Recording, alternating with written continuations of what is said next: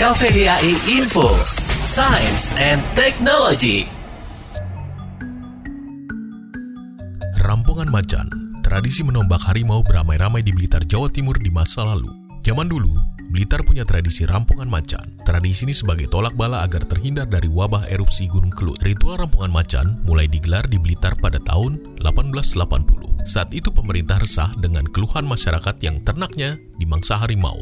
Dari namanya saja, harimau Jawa adalah karnivora terbesar yang pernah menghuni Pulau Jawa. Dalam persebarannya, harimau Jawa pernah ditemukan di Jampang Kulon, Taman Nasional Ujung Kulon, Gunung Pangrango, Yogyakarta, Probolinggo, Blitar, Banyuwangi, Tulung Agung, hingga di Taman Nasional Meru Bitiri, Jawa Timur. Untuk mengatasinya, pemerintah saat itu menggelar sayembara. Siapa yang bisa memburu dan menangkap harimau akan dibayar sebesar 10-50 gulden.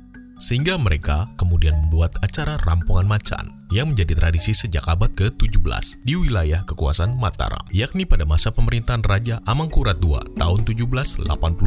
Di zaman Mataram, ada dua babak dalam tradisi ini. Babak pertama banteng atau kerbau melawan harimau, dan babak kedua antara kerumunan manusia berhadapan dengan harimau. Sekilas tampak mirip dengan gladiator di era Romawi kuno.